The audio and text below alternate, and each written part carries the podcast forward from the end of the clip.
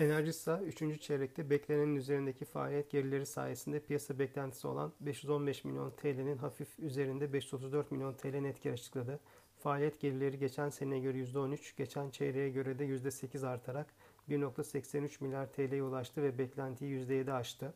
Öte yandan net finansman giderlerindeki %28 artış ve vergi oranındaki 4.9 puanlık yükseliş nedeniyle net kar geçen seneye göre %16 geriledi. Net kar geçen çeyreğe göre ise %22 büyüdü. Net borç tarafında ise net borç çeyrek bazında %7 artsa da net borç bölü FAVÖK 1.5'te yatay kaldı. Şirket 2020 beklentilerinde hafif revizyonlar yaptı. Buna göre faaliyet gelirleri büyüme beklentisini %18 ile 20 arasına, önceki 15 ile 20 ile arasıydı. Faiz ve vergi sonrasındaki takım beklentisini de 1.5 ile 1.8 milyar TL arasına çekti. Burada da önceki rakam en az 1.8 milyar TL yönündeydi. 2021 yılı için faaliyet gelirleri tahminimizi %2 yükselterek 6.7 milyar TL'ye çektik ki bu rakam yıllık %20 büyümeyi ifade ediyor. Risksiz faiz oranı varsayımımızda 1 puan arttırarak %16'ya çektik.